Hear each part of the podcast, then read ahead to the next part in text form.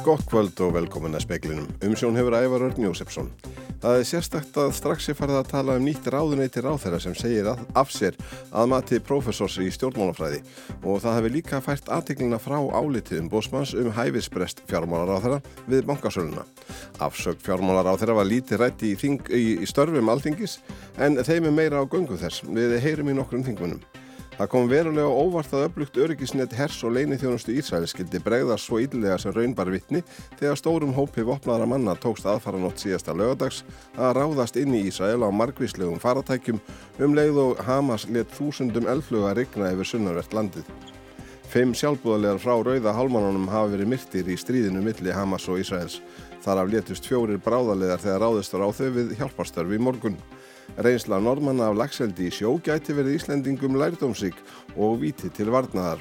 Það er skoðum profesors við Norska Laurugluháskólan og loðnuvinnslur þurfa mögulega að keira á olju vetur að einhverju leiti ef ekki rignir döglega næstu vikur og mánuði. Fátt hefur verið meira rætt í dag og í gæri en afsög Bjarnar Benediktssonar fjármólar á þeirra. Magnús Geir Eyjólfsson, þingfréttamaður, Þú varst á þinginu í dag. Var það sama upp á teiningunum þar? Ekki í þingstörunum sjálfum. Það var aðeins tæft á þeim undir liðnum störf þingsins þar sem óberitið þingmenn eiga alla jafn á sviðið en meir hluti þeirrar umræðið fór þó í önnu mál og svo voru mest megnis þingmannamál á dasgrá. En það var enga síður óvinju margtum mannin í þingusun í dag með að við þá dasgrá sem lág fyrir. Einfallega vegna þess að það mættu allir til að heyra nýjasta slúrið.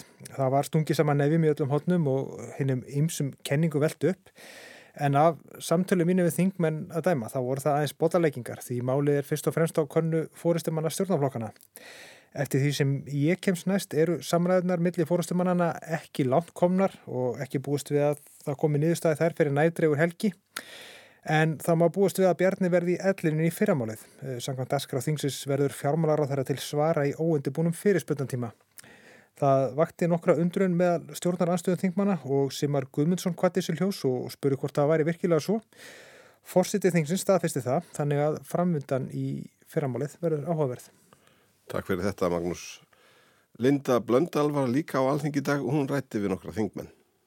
Formaður þingflokks flokks fólksins telur Bjarnar eigað stíga alfarið út úr ríkistjórninni en setja hann áfram í öðru ráðuneyti snúist afsögnin um pólitíska leiki. Fyrst bara frábært að hann stík til liðar en ég myndi segja hann ætti að stíka alveg til liðar, fara úr ráðhverjaðinbæði. Mér finnst líka að ég er ekki að taka létt á því ef að það er fleiri lendi í þessum málum og umbóðsmaður eða einhver annar segir að ráðhverjað hafi brotið lög eða brotið að sér einhvern hát, þá eigum við að slagburð og þeir ráðhverjarnir og segja á sér eins og gert á þeir Norrlundum. Og hver er það með í huga? Já, bara til með sangu sástúttir er næsta dag, við veitum að það, hvernig það mál stendur sagði Guðmundur Ingi Kristinsson, formaður viðreistnar tekur í sama strengvarðandi bjarna. En nú liggur það ekki ljóst fyrir en, en eins og ég segi, mér varst það rétt ákvörðun hjá honum að stíga til hliðar og að stíga til hliðar þýðir þá að mínum að þið að axla ábyrg. Það þýðir ekki að hafa stólaskipti eða að fara í einhverja ráþurakapla. Það er ekki að stíga til hliðar til þess að axla ábyrg. Hvernig hvernig viltu meta viðbröð Katrínar? Já, það er allavega ljóst því ég skoða myndana, þau höfðu að minnstakosti fjóra daga til þess að undirbúa sig. Það sem að mér finnst vond í þessu, það er þetta tómarum, það er þessi ringulri, það er þessi fórustuleysi sem að við upplifum núna. Þetta er ekki engamál forma sjálfstæðisflokksins eða ríkistjórnarinnar. Sagði Þorgerður Katrin Gunnarsdóttir, þingmar samfélkingarinnar, Jóhann Páll Jóhansson segir bankasöluna stóra málið. Í gær var náttúrulega að tala svolítið á þeim nótum að Bjarni Benediktsson væri jafnvel að sko, brjóta blað í íslenskri stjórnmálasögum með því að, með því að axla ábyrð á, á, á miskjörðum sínum í, í ennbætti sem, sem, hérna, sem, sem hefur verið staðfest af, af hérna, umbúsmanni alþingis. Um, uh, en þú getur ekki bæði átt kökun og getið þannig, sko, þú getur ekki bæði axlað ábyrð á einhverjum miskjörðum Uh, og hérna og litið á það sem ábúðslega stort og mikilvægt fordæmi fyrir stjórnmálin. En, en hérna en haldið svo bara áfram að vera ráð þeirra og ég meina eins og þetta blasir við manni eftir áhyggja þá hérna þá verðist þetta meira snúa að sko bara einhverjum praktískum atriðum til þess að geta haldið uh, bankasölunni áfram sem sjálfstæðisflokkurinn hefur verið svo hérna spenntu fyrir. Sæði Jón Páll Jóhansson Linda Blöndal tók saman Aðþjóðasamband Rauðakrossins og Rauða Hálmánans hafa tilkynnt að fimm sjálfbúðaliðar þessara stærstu mannúðasamtaka heims hafi verið myrtir í stríðinu millir Hamas og Ísraels. Af þeim fimm sem hafa látist týndu fjórir bráðaliðar lífi þegar sjúkrabílar urðu fyrir árás Ísraels hers á Gaza í morgun. Rauði hálfmánin í Palestínu fordamir harðilega árásuna sem beint var vísvitandi að sjúkraflutninga teimi þeirra. Rauði hálfmánin krefst þess að líst sé ábyrð á þessum hryllilega stríðsklæp og hvetur til tafarlausara rannsóknar og réttlætis fyrir fórnalömpin. Ítrykkuð er nöðisinn þess að allar stríðandi fylkingar virði lagarlegar skildu sínar skakvart mannréttindum og um þær verði ekki samið. Verja og virða þurfi almenna borgara, heilbriði starfsfólk, heilsugjæslu stöðvar og innviði öllum stundum. Þau séu ekki skotmörk. Skipulaðar árásir á heilbriði starfsfólk séu gróft brot á alþjóðalögum um mannréttindi og brot gegn mannkininu. Sjálfbóðaliðar alþjóðasambands Rauðakrossins og Rauðahálfmónans telja meira en 16 miljónir um allan heim. Þau vinna í þái fólks í viðkvæmri stöðu vegna hamfara og stríðs átaka. Frettir hafa einning búrast af því að 11 starfsmenn saminuð þjóðana hafi látist í Gaza síðan á lögardag. Allar nýjustu frettir af átökunum í Ísrael og Gaza má finna á frettavitu rúf.is. Valgerður Greta Gröndal saði frá. Fyrsti snjórin gæti fallið á höfuborgarsvæðin á morgun. Veður viðvaranir taka gildi í kvöld. Veðurfræðingur á veðustofunni segir að veturinn kíkja aðeins í stutta heimsókn en sé ekki komin af fullum þunga. Gul viðverun tekur gildi við faksaflóa klukkan 11 í kvöld og síðan á vestfjörðum, söður og söðausturlandi í nóttu á morgun. Útlið er fyrir vaksandi austan og norðaustan átt í nótt með snjókomiða slittu. Viðvaranir eru í gildi fram yfir hádegi á morgun en til miðnættis á vestfjörðum. Eiríkur Örn Jóhansson er veðurfræðingur á Veðurstofu Íslands. Það er hansi líklegt að það verið allavega fyrsti snjórin á lálendi svona víða á Suðurlandi uppsveitum. Það er svona aðeins meira spurningamerki hérna á öðborgarsvæðinu en, en þó ekki ólíklegt að svona efri byggðir gæti verið svona svolítið farnar að grána í fyrramálið. Eiríkur segir að þetta sé hefðbundið haust veður. Útlið er fyrir að það hlýni aftur eftir helgi og því ekki ekkert að tala um að veturinn sé komin af fullum þunga. Hann hvetur aukumenn til að fara varlega, búast megi við versnandi akstur skilirðum. Það er alveg ekkert ólíklegt að það verði einhverjar svona tafir og umferði eða jæppil vegum loka þegar þetta er alveg það mikil vindur og snjó komið með að skikni verður takmarkað. Sagði Eiríkur Örn Jóhansson urður örlugstóttir tók saman. Þórisvatt, stærsta vassforðabúr landsvirkjuna, náði ekki að fyllast í sumar. Forgangsorka er tryggð en fórstjóru landsvirkjuna segir það ráðast af úrkomu næstu vikur og mánuði hvort grípa þurfi til skerðinga þar sem samningar gera ráð fyrir slíkum.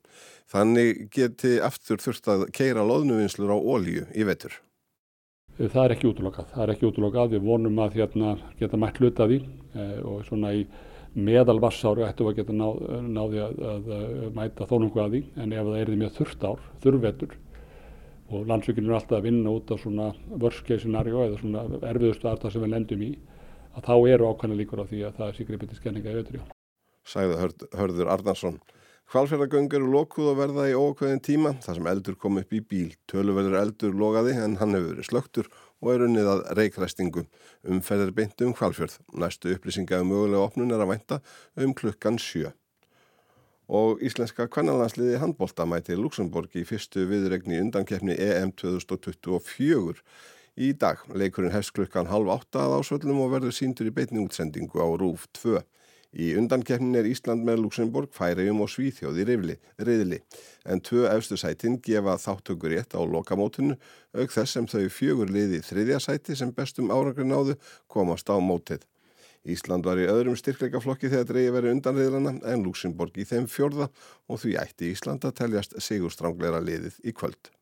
Almennt hefur verið talið að Ísraelskir leinu þjónustumenn og herrmenn hafi vakandi auga með íbúum gasasvæðisins allan sólarhingin, alla daga ársins og sér í lagi liðsmönnum Hamas samtakana og annara hópavíga og hríðiverkamanna sem þar búa. Því kom verulega óvart að öryggisnetið var með öllu óvirt þegar hópi vopnaðara manna tókst aðfara nótt síðasta lögardags að ráðast inn í Ísrael á motorhjólum, bátum, svifvangjum, heimasmíðuðum fysum, velknúnum svifdrekum og bílum. Samtímis letuður þúsundum eldflöga regna yfir Ísrael.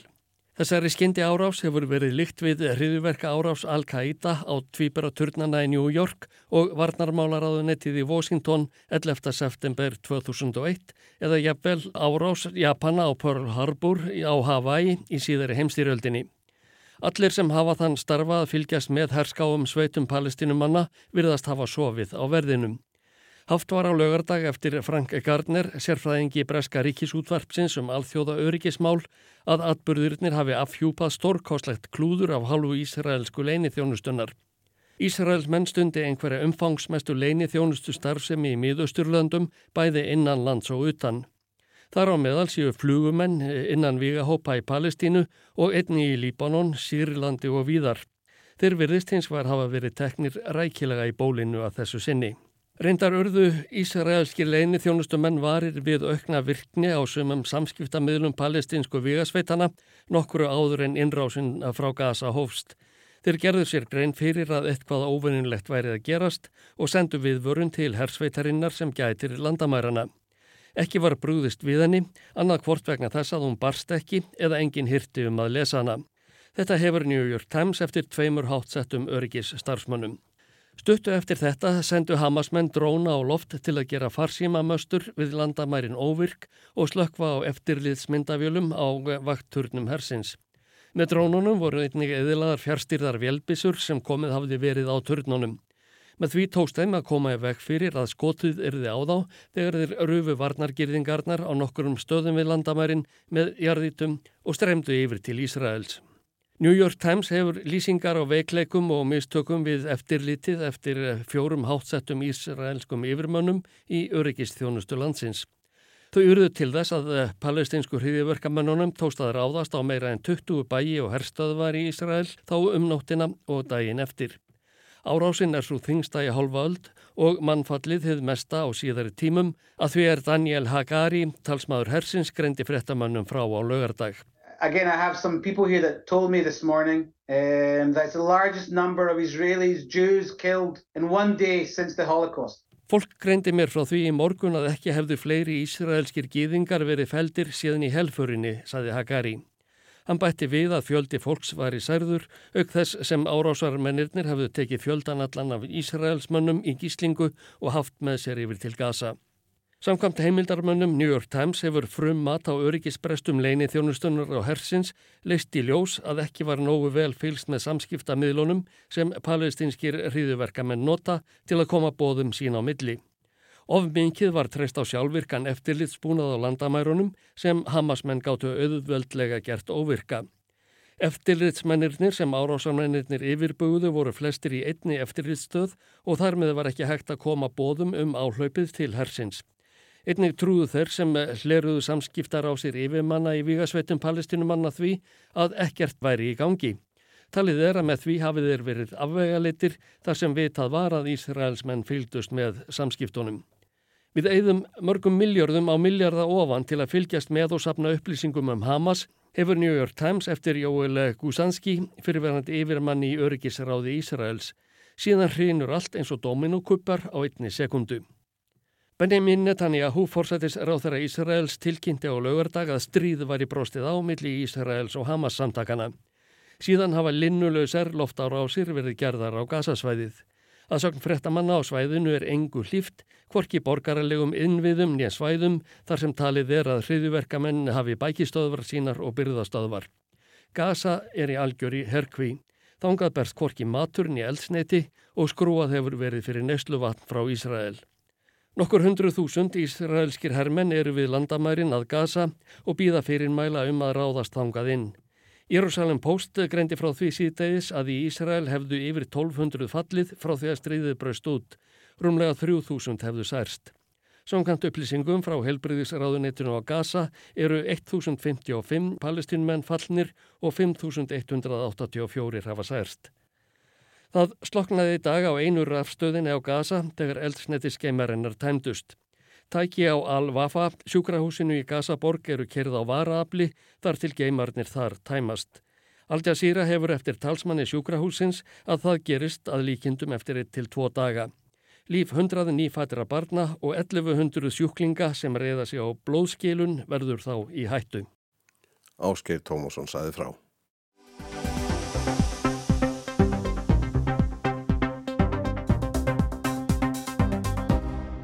Sjö ráþerar hafa sagt af sér eftir gaggríni eða mótmæli frá stofnun líðveldisins. Bjarni Benditsson tilkynnti afsökk sína sem fjármála ráþera í gær og var þar með fjörði ráþera sjálfstæðisflokks sem segir af sér. Þrýr til viðbóttar, einn úr framsóknarflokki, annar úr samfélkingu og svo þarrið í úr alþýðuflokki hafa horfið úr ennbætti. Sigriður Andersen sagði af sér 2019 sem dómsmálráð þeirra eftir dóm mannréttinda dómstóls Evrópu um skipan dómara í landsrétt. Hanna byrna Kristjánsdóttir hætti sem innanríkisráð þeirra 2014 í kjölfar lekamálsins svo kallaða. Sigmundur Davíð Gunnlaugsson hætti sem forsættisráð þeirra eftir uppljóstranir úr Panama skjólunum og mótmæli í kjölfar þeirra 2016. Björgvin G. Sigursson kvarf af stóli viðskiptaráð þeirra í ársbyrjun 2009 eftir hrun bankakerfisins. Guðmundur Átni Stefánsson sagði af sér sem helbriðisráð þeirra 1994 eftir gaggrinni á embættislokk tryggingayfirleiknis og sjö árum fyrr 1987 varð Albert Guðmundsson að segja af sér sem yðnaðar á þeirra eftir ásakanir um spillingu og skattaundanskott. Ekkert þeirra varð aftur ráð þeirra. Í gær Fljótlega eftir að menn náðu andanum eftir hinn óvæntu tíðindu um afsökn Bjarnar Bendiktssonar hófust vangaveltur um hvort hrókerrað yrði í ríkistjórninni og hann tæki við öðru ráðuniti.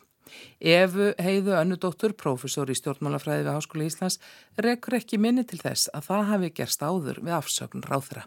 En eitt af þess mamma kannski líka skilur að lesa út úr þessara orðræðu er að með því að fara að tala um hvaða ennbætti Bjarni mun mögulega að fara í í framhaldinu að þá er mjög mikið verið að tengja þessa afsökn við hans störf sem fjármólar á þetta eða hann hafi verið vanhæður sem fjármólar á þetta og það hann takir síðan annað rándi þannig að gefur þau skilaboð að það er ekki verið að setja út á hans störf sem stjórnmólamadur eða sem leiðtói sjálfsæðarflokksins heldur, heldur hafa þetta fyrst og fremst verið reyfranur tilheft þessu embætti fjármálur á þeirra. Einn skýringin gæti verið að álit umbóðsmanns snýstum hæfisbrest í afmörkuðu máli. Það er samþygt fjármálar á þeirra á tillugu bankasíslunar um sölu á hlutríkisins í Íslandsbanka þar sem enga hlutafélag í eigu föður hans var í hópi kaupenda. Annað sem er mjög áhugaðskens með þessar umræði að gerðdagurinn og, og dagurinn í dag hefur farið mjög mikið í og velta fyrir sér afsökk bjarna og hvað verður og hvað verður ekki en mjög lítið um fjallað um skýslu umbúrsmanns sem ákvæmst bara eftir að koma síðan. En þá getur maður alveg stilt í uppsænguna að þetta hafi bara mögulega, ef maður kallar þetta útspil að segja af sér, með þetta maður kannski gera svolítið lítið úr því, þetta er ekki pólitíst útspil, en, en það er raun og verið að bjarni segja af sér að það fyrir það að allt púðurinn í umræðinu fer í að tala um það en ekki um í raun og þessar aðtöðasemti sem að umbúrsmáður alþingis hafði við, við hans starf sem fjármálur á þeirra að gera. En aftur segja ég úr kannski að það bara eftir að vinna úr þeirri skýslu og það, svo umræði að komi síðan. Ef hún kemur síðan, sem að ég ger ráð fyrir hún geri, að þá er kannski bjarni líka bara í hans betri stöðu taka þá umræðu ekki verandi fjármálar á, á þeim tímapunkti. Fyrstu vangaveltur um breytingar á ríkistjóninni. Það er að Bjarni og Þórdís Kolbrún Reykjörð Gilvadóttir, utanríkisráð þeirra og varaformaður sjálfstæðisflokksins skiptu á ráðuneytum hljómar sem frekar einföld og sársveikalus löst, segir Eva. En ef það verður sko eitthvað meiri uppstokkun á, á ráðherra ennbættum, sko ef að það er þannig til þess að einn flokkurinn er að taka til sín nýtt ráðherra ennbætti að þá gæti maður ímynda sér að það getur sett pressu á stjórnarsamstafið og gert einhverja óanaði og pyrraða. En ég held í raun og veru bara að ég myndi talja bara að, að ríkistjórnarflokkarnir eru í kannski svolítið viðkvæmði stöðu akkurat núna á meðan það vera að ganga frá þessu. Erfitt sé að lesa í hvað verði því menn haldi spilum þéttaði sér. Segjum svo að einhverju framsunarflokknum taki þá fjármálaræðandi að þá myndi ég ætla að það myndi sko setja, ef það kemur nýr flokkur í ráðuniti, að þá vil sá flokkur kannski ekki endilega bara taka upp málinn sem að fyrriríkistofnflokkur var með. Þó svo þau vilja kannski ekki endilega umbylta því heldur. Þannig að, þannig að það hérna, getur orðið mjög, eh, ég ætla að segja, trikki á góður íslensku. En það væri allavega meiri breyting heldur með þetta bara innan flokksins. Vissulega hafið það gerst að flokkar viksli ráðunitum eins og þegar Davíð Oddsson og Haldur Áskrimsson þá formenn sjálfstæðisflokks og framsóknarflokks skiptu á forsætistráðunetti og utaríkisráðunetti fyrir um 20 árum en þau skipti voru bóðuð þegar við stjórnar myndun. Eva telur að það skipta sjálfsögðumáli að Bjarni er formaður sjálfstæðisflokksins. Þetta það að hann fyrir að segja af sig sem ráð þeirra er auðvitað áfall fyrir hann sem, sem forman flokksins og áfall fyrir sjálfstæðisflokkin. Og þess að einhverju draga úr því áfalli og skafa minkandi aðgerð þá þarf hann að fara í annar á þeirra ennbætt. Ef hann myndi fara sérstu, gerast bara óbreyttu þingmar að þá er hann orðin verulega veikur sem formaður. Og af tveimur slæmum kostum hafi sá skári verið að segja af sér. Með því að fjármálraður sagði af sér þínu sjálfveilur og það var nærunur sjálfstæðarslokkurinn eða hann og hans hérna samflokkna þeir ná svolítið stjórn á atbyrðarásinni sem er öðruvísi ef hann hefði kannski rökklast úr á þeirra ennbætti. Það hefur verið þrýst á hann kannski næstu 2-3 mánuðin og hann hefur rökklast úr ennbætti að þá hefur verið miklu kannski óeðlega að sjá fyrir sig þannig að það bara fengi nýtt ennbætt. Búist er við að allt skýrist þetta og komi endanlegi ljós þegar ríkisráð kemur saman um helgina og ráð þeirrar stilla sér upp með fórsetta við langborð á bestastöðum. Anna Kristín Jónsdóttir saði frá og talaði við Efu Há Önnudóttur, professor í stjórnmálafræði.